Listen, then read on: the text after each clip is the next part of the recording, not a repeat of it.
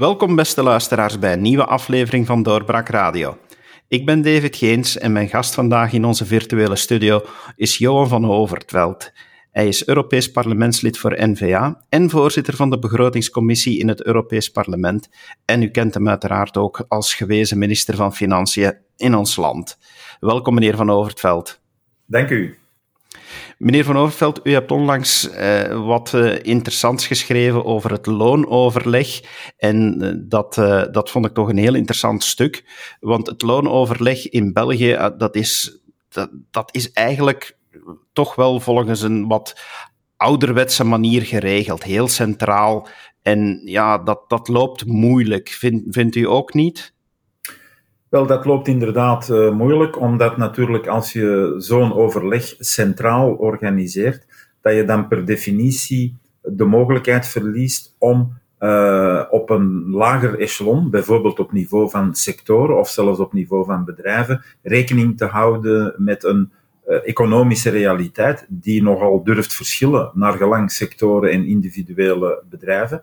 En dit des te meer bijvoorbeeld in deze periode van corona, waar bepaalde sectoren toch bijzonder hard geraakt zijn, andere sectoren veel minder.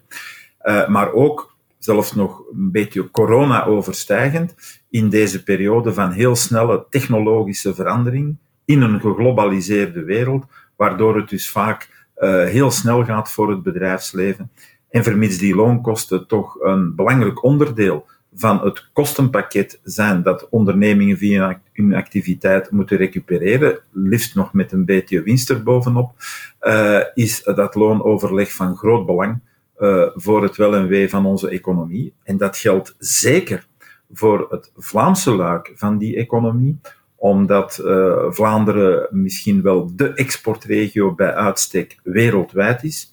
Onze welvaart is voor een groot stuk op onze uh, export en de prestaties die we daarin kunnen leveren gebaseerd.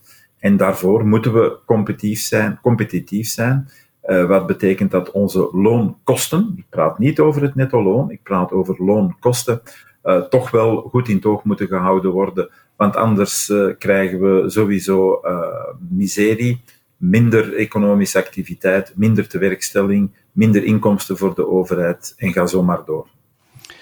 Want in dit overleg speelt natuurlijk een stuk mee. De vakbonden eh, zeggen nee eigenlijk tegen het overleg, weigeren om mee aan tafel te komen. En men wekt daarbij de indruk, ja, er is amper marge om over te praten, 0,4 procent.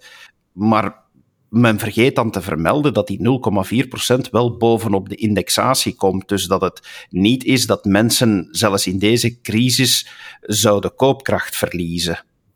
Heel juist. Uh, dat is een uh, denkfout of een redeneerfout die vaak gemaakt wordt in verband met deze loononderhandeling. Het gaat altijd over wat er loon qua loon bovenop de indexaanpassingen, de aanpassingen aan de inflatie, uh, aan loon kan gegeven worden. De Centrale Raad voor het Bedrijfsleven berekent die marge op basis van de loonwet van uh, eh, 1996, of de parameters die daar in die loonwet vervat zitten, en is dus inderdaad uh, gekomen met die marge van 0,4. Ik wijs erop dat ook de vakbonden in die Centrale Raad voor het Bedrijfsleven zitten. Uh, en dus is het een klein beetje merkwaardig dat men achteraf zegt, ja maar nee, die 0,4, dat is flauwekul, daar, daar moet een heel pak bij. Ik vind dat eerst en vooral een merkwaardige houding omwille van het feit dat die berekeningen uh, gemaakt zijn door een organisme waar de vakbonden ook in vertegenwoordigd zijn. En ten tweede, toch ook een beetje vreemd, dat men met een dergelijke bouwtestelling afkomt op een moment dat, uh, laten we maar zeggen, economisch uh, alle potten op het vuur staan en veel bedrijven echt wel met het water aan de lippen staan. dus ik vind dit niet direct een maatschappelijk heel verantwoorde houding vanwege de vakbonden. Dat is inderdaad heel opvallend. Iedereen weet dat er heel veel bedrijven in crisis zijn. Er zijn er ook die het goed doen, daar kom ik straks nog even op terug. Maar ja, op het moment dat het zwaar weer is voor de economie, dan zomaar de loonkosten gaan opdrijven, dat is toch eigenlijk zelf voor vakbonden een beetje raar, want wie ook maar enigszins iets van economie snapt, en verbeter mij als ik fout ben, want ik ben geen econoom en u kent daar veel meer van, maar is toch wel een bedreiging voor het aantal jobs die zouden moeten overeind blijven na de crisis. Wel, ik had het niet beter kunnen zeggen zoals u het nu verwoord hebt. dat is inderdaad in de huidige omstandigheden een bijzonder eigenaardige, om geen straffer of negatief woord te gebruiken, houding van wegen de vakbonden omdat uh, ook, ook wordt vaak uit het oog verloren dat het om diverse aspecten gaat uh, wanneer we het over loon en loonvorming hebben. We hebben het aspect competitiviteit. Stijgen de loonkosten meer dan in de buurlanden, wat toch onze voornaamste afzetmarkt en ook onze voornaamste concurrenten zijn, dan gaan onze bedrijven moeilijkheden hebben om hun producten en hun diensten nog te kunnen slijten op uh, buitenlandse markten. Maar er is nog een tweede element dat vaak uit het oog wordt verloren, dat heel belangrijk is wanneer we het hebben over loonkosten. Bedrijven, of het nu industriële bedrijven zijn of dienstenbedrijven, er zijn uiteraard verschillen, maar globaal genomen, die bedrijven, die stellen een uh, productiecapaciteit samen.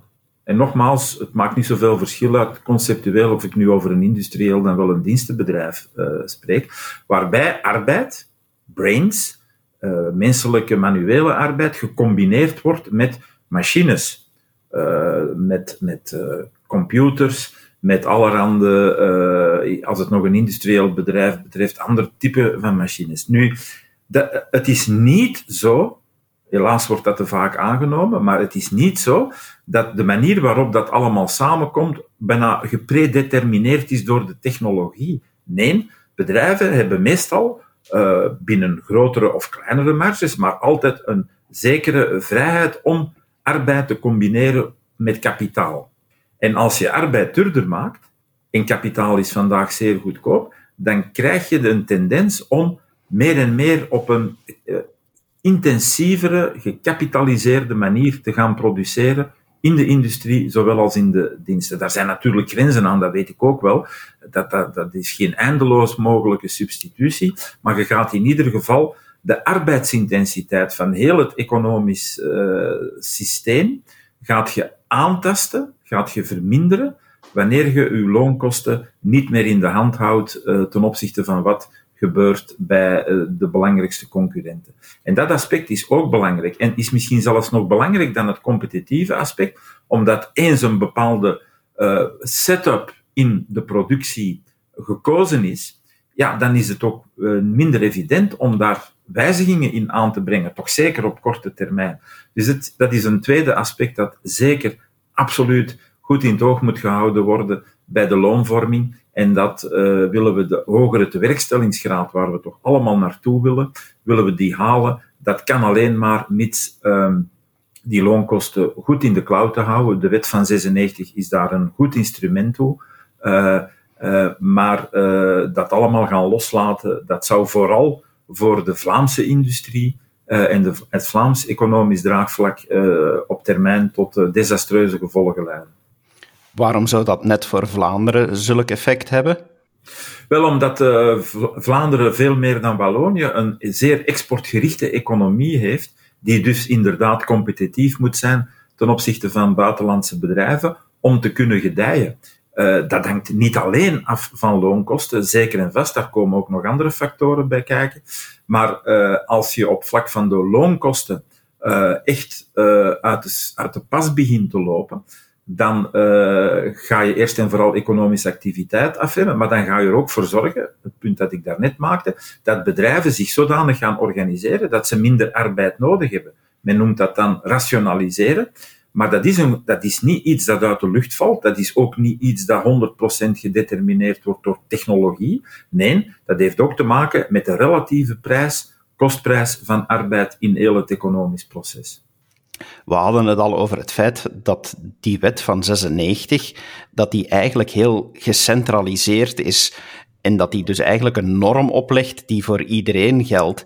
Zit daar niet een deel van het probleem, omdat een economie ook eigenlijk niet universeel is? Zelfs in deze crisis zien we dat er bedrijven zijn die het wel goed doen. Eh, die worden dan toch eigenlijk ook gehandicapt door die gecentraliseerde vorm van, van loonoverleg. Opnieuw een uh, zeer correcte opmerking. Uh, je gaat dus inderdaad, uh, als je niet oplet of als je al te, hoe zou ik zeggen, al te ten, ten te stringent omgaat met die nationale loonnorm, ga je dus inderdaad een situatie krijgen waarbij bedrijven die het zeer moeilijk hebben, een loonnorm opgelegd krijgen die ze niet aankunnen. En die en ofwel naar het faillissement drijft, ofwel hen verplicht om uh, echt uh, de, het mes te zetten in hun arbeidsbestand. Maar van de andere kant, u hebt het ook correct aangehaald, zijn er bedrijven die uh, mensen zoeken. En, en die vaak mensen kunnen aantrekken, bijvoorbeeld door een wat attractiever loon te bieden, wat in het geval van een zeer stringente loonwet niet kan. We hebben de voorbije dagen allemaal het voorbeeld gehoord van de warenhuisketen Lidl, die 500 mensen eh, wil aanwerven, maar die ze niet vinden. Uh, dat is ook een realiteit van vandaag. En de enige manier om daar op een uh, ook sociaal efficiënte manier mee om te gaan, is om uw loonwaaier, zoals dat dan heet, de, de, de bandbreedte tussen verschillende lonen naar gelang sectoren en bedrijven, om die te verbreden. Traditioneel zijn de vakbonden daar allergisch voor, maar het is het een of het ander. Ofwel laat je dat toe, en dan zal je uw bedrijven die expansiekansen hebben extra zuurstof geven. Uh, ofwel laat je dat niet toe en dan ga je dus bedrijven die de, poten de potentie hebben om sterk te groeien en bijkomende tewerkstelling te creëren, uh, ga je die aan banden leggen. En dat kan eigenlijk toch nooit de bedoeling zijn. Zeker nu in een periode waar denk ik elke vorm van economische activiteit zo snel mogelijk terug op een hoger toerental zou moeten gebracht worden. U zit nu aan politiek te doen op een Europees niveau. Dus u bent ideaal geplaatst om, om eigenlijk op mijn volgende vraag antwoord te geven. Is dit een typisch Belgisch fenomeen, dat gecentraliseerd loonoverleg? Of hoe verloopt dat in, in de buurlanden en in de andere Europese landen? Wel, wij zijn in ieder geval het enige land binnen de Europese Unie dat het strakke indexeringsmechanisme heeft zoals wij dat hebben. Uh, natuurlijk wordt er overal gekeken naar wat de inflatie, dus de aantasting van de koopkracht eigenlijk, uh, wat dat uh, betekent, wat dat uh, voor gevolgen heeft. Maar wij hebben een automatisme. wat we helemaal in het begin van dit gesprek zeiden, wanneer wij over loononderhandelingen spreken, dan is de index al binnen. Dat is een eerste groot verschil tussen België en alle andere landen binnen de Europese Unie. En voor de rest is het natuurlijk een lappendeken in Europa. Heb je verschillende uh, systemen uh, met uh, combinaties van gecentraliseerd overleg, meer gedecentraliseerd overleg. En dan uiteraard ook landen waarin dat overleg op niveau van sectoren en zelfs ook van bedrijfsniveau sterker doorweegt dan in België. Dus op dat vlak is Europa een beetje een lappendeken. Maar wat ons echt uniek maakt in die Europese context, is het bestaan van dat automatisch indexeringsmechanisme. En de vraag is natuurlijk, als we naar een periode van hogere inflatie zouden gaan, en er beginnen tekenen daarvan uh, zich aan te kondigen, het valt nog te af te wachten hoe structureel dat, dat is, hoe we daar dan gaan mee omgaan. Want als wij bijvoorbeeld toch terug naar 2, 3, 4 procent inflatie zouden gaan, ja, dan gaat dat heel snel via dat indexeringsmechanisme doorspelen in de lonen. En dan zullen we heel snel, als dat dan in andere landen niet of veel minder gebeurt, terug in een periode of in een situatie zitten, zoals we dat in het verleden nog gekend hebben, dat die loonkosten echt compleet uit de pas beginnen lopen, met alle gevolgen van dien voor de tewerkstelling, voor de economische groei en finaal ook voor de begrotingstoestand. Moeten we durven nadenken over die automatische indexering? Is dat iets wat moet aangepast worden aan de tijd? Ik denk dat we daar echt wel aan toe zijn. Ik denk dat we moeten kijken naar formules die ons wat meer flexibiliteit geven. Uh, en ook naar, uh, andere, naar andere mogelijkheden om uh, de burger, de werkende burger, eventueel meer koopkracht te geven. We hebben uiteraard je, je hebt uiteraard het bruto loon dat mensen verdienen, maar daar is natuurlijk een, een zware fiscale aanslag op die lonen. Dus als je uh, via uh, een aanpassing van je fiscaliteit de mensen meer koopkracht kunt geven door met name die fiscale druk te verminderen, is dat natuurlijk ook een realiteit die uh, positief kan zijn, positief is voor de burger en voor het bedrijfsleven niet noodzakelijk extra kosten met zich meebrengt. Het heeft dan uiteraard zijn implicaties voor de begroting, maar ook dat is iets waar je uh, veel nuanceerder moet mee omgaan dan we in dit land uh, nogal eens uh, gewoon zijn om te doen. U bent ook een van de architecten van de taxshift en de verandering van, of de, de grondige verandering van de vennootschapsbelasting. We zitten natuurlijk nu in een periode dat er helemaal geen begrotingsdiscipline is. Er moet uiteraard eh, gereageerd worden om de coronacrisis te kunnen aanpakken en er moeten relanceplannen zijn. Maar vreest u dat ja, de taxshift en de vennootschapsbelasting, dat die, dat die zouden onder vuur komen te liggen, of dat men daar gaat aan wijzigen of gaat aan terugdraaien om uh, in ons land die begroting toch uh, weer wat een andere richting uit te krijgen? Um, wel, eerst en vooral de taxshift. Um, daar heb ik, uh, vooraleer de huidige regering gevormd werd, uh, vanuit diverse hoeken, maar vooral vanuit PS-hoek, bij monden van voorzitter uh, gehoord dat de taxshift een onding was dat weg moest. ik denk dat ik hem letterlijk parafraseer met, met die uitspraak. Ik merk dat dat niet in het regeerakkoord staat en dat daar voorlopig ook niks van dreigt in huis te komen. De reden is niet ver te zoeken, denk ik, omdat iedereen die uh, eerlijk is met zichzelf goed beseft dat die taxshift een noodzaak was die ook gewerkt heeft. en laat me duidelijk zijn, puur in onmiddellijke fiscale termen was de taxshift een taxcut, een belastingvermindering. Wat we gedaan hebben op het niveau van vermindering van de werkgeversbijdrage en verbetering van de fiscale positie van de werknemer, werd niet volledig gecompenseerd door belastingsverhogingen op het niveau van de indirecte belastingen en kapitaalbelasting. Maar het verhaal in termen van de impact van de taxshift op de begroting stopt daar niet natuurlijk. Want studies zoals bijvoorbeeld uh, van uh, professor De Koster in Leuven, uh, van de OESO, analyses van het IMF geven duidelijk aan dat de taxshift een aanzienlijk positief effect op de tewerkstelling heeft gehad de schattingen van hoeveel de taxshift aan extra tewerkstelling heeft uh, gebracht ten aanzien van een situatie waar er geen taxshift zou geweest zijn, variëren van, van 80 tot 100, of sommige zelfs tot 150.000 extra jobs. Nu, dat is natuurlijk ook een grote opbrengst voor de begroting, namelijk mensen die beginnen werken, die beginnen bijdragen, fiscaal en parafiscaal, en die uiteraard niet meer moeten terugvallen op een werkloosheidsvergoeding of een andere vergoeding. En als je de taxshift zo bekijkt, dan is de taxshift ook positief voor de begroting. Je moet alleen het onderscheid maken tussen de korte termijn, de onmiddellijke acties en het uitgesponnen effect op niveau vooral van de tewerkstelling. Dus ik merk dat men voordien, uh, dus voor de vorming van deze Vivaldi-coalitie, hoog van de toren blies, we gaan daar iets aan doen, maar dat men nu blijkbaar toch ook in het regeerakkoord niet en ook niet in de concrete acties nu, aanstalten maakt om dat te gaan doen. U, vernoemde ook de vennootschapsbelasting. Uh, daar heb ik over het algemeen weinig kritiek op gehoord, ook toen we die doorduwden in de periode 2017-2018. Uh, sorry, 2016-2017. Um, daar heb ik ook, van, ook vanuit PS-zijde toen uh, behouden ze op wat kleine punten geen kritiek op gehoord. En ik merk nu ook dat de regering daar niet over praat. Maar ik vraag me af of dat zo gaat blijven. Omdat uh, het evident is dat we naar een enorme begrotingsproblematiek gaan. Een tekort van 45, 50 miljard. Dat is in de grote orde van 10% van het BBP. Wij hebben er uh, vier jaar aan gezwoegd om van 14 miljard naar 3 miljard deficit te gaan. Um, nu moet men beginnen van 50. Dat is gewoon gigantisch.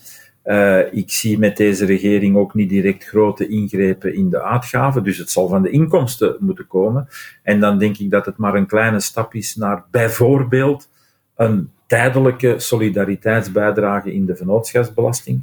We weten alleen uit ervaring dat tijdelijke fiscale maatregelen in België nogal eens de hardnekkige neiging hebben om redelijk definitief te worden. Dus daar hou ik er wel rekening mee dat, uh, dat er iets zou kunnen gebeuren. Wat dan natuurlijk uh, ook uh, absoluut niet goed zou zijn voor onze competitiviteit. Want uh, heel de oefening die we in de tijd gemaakt hebben om die vennootschapsbelasting te hervormen, was er vooral op gericht om ten eerste meer rechtvaardigheid te brengen in de vennootschapsfiscaliteit, maar zeker ook om ze ten aanzien van wat er in landen die met ons concurreren gebeurde, ze ook meer competitief te maken. Dus dat lijkt me absoluut geen goede zet, maar ik vrees helaas dat die er toch op termijn zit aan te komen. Europa spendeert nu ook heel veel geld aan relance. En dat is op zich een goede zaak. Vindt u dat er in België goed wordt omgesprongen met de middelen die van Europa ter beschikking worden gesteld? Wel, uh, men werkt nu nationaal aan dat plan dat men moet indienen bij Europa met dus de projecten. Uh, ik, kan, ik ben wel zeker dat men vanuit de Vlaamse regering daar vrij minutieus mee omgegaan is om naar die projecten te zoeken die echt toegevoegde waarde hebben, die ons uh, economisch, sociaal-economisch bestel versterken. Uit de details die met de tijd wel zullen bekend raken, zal moeten blijken of men dat in de andere regio's ook gedaan heeft. En ik hoop in ieder geval dat Europa met voldoende scherpte uh, en zin voor realiteit naar al die plannen zitten kijken. Want het gaat over 750 miljard in het algemeen, waarvan dan 5 miljard naar België komt. Um, het is toch wel van groot belang dat dat geld, wat nodig is, gegeven de intensiteit van deze coronacrisis, dat het ook goed gebruikt wordt. En dat er dus met andere woorden voldoende oog is voor de efficiëntie en de maatschappelijk nut van de zaken die men met dat geld gaat doen, van de investeringen die men daarmee gaat doen. Uh, ik heb daar mijn twijfels over. Uh, ik heb zelf mee in die onderhandelingen gezeten. We hebben heel hard geprobeerd om wat dan heet die conditionaliteit, de voorwaarden waaronder men van dat geld gebruik kan maken en de, de controle daarop, conditionaliteit en controle, om die te verscherpen. Maar dat is uh, maar heel gedeeltelijk gelukt. Vooral omdat uh, de, vooral de Zuiderse landen in Europa daar absoluut niet wouden van weten. Dat is inmenging in onze interne keuken, werd voortdurend gezegd. Maar het is natuurlijk wel zo dat als u geld van iemand anders of iets anders krijgt, dat het dan toch wel logisch is dat de entiteit, in dit geval Europa, die voor die pot geld zorgt, toch een beetje toekijkt op het duidelijk gebruik van dat geld ik vrees dat dat, uh, dat dat niet in de mate uh, gaat gebeuren uh, die eigenlijk vereist is. maar we zullen zien, laat ons de hoop oog houden dat het toch gebeurt. Maar er is in ieder geval, wat mij betreft, onvoldoende concreet voor voorzien. We zullen dat inderdaad in de gaten moeten houden, meneer Van Overtveld. Ik denk dat we later nog wel eens bij u zullen terugkomen om het daar verder over te hebben en te kijken eh, wat er gebeurt. Alleszins bedankt dat u tijd hebt vrijgemaakt voor doorbraak. Op het, om het op zijn mooi Nederlands te zeggen, the pleasure was mine. Dank u wel. En u, beste luisteraar, dank u wel dat u geluisterd hebt. Hopelijk tot een volgende keer. Dag. Dit was een episode van Doorbraak Radio de podcast van doorbraak.be. Volg onze podcast op doorbraak.be/slash radio of via Apple Podcasts, Overcast of Spotify. Bezoek ook onze website op doorbraak.be en steun ons door een vriend te worden van Doorbraak.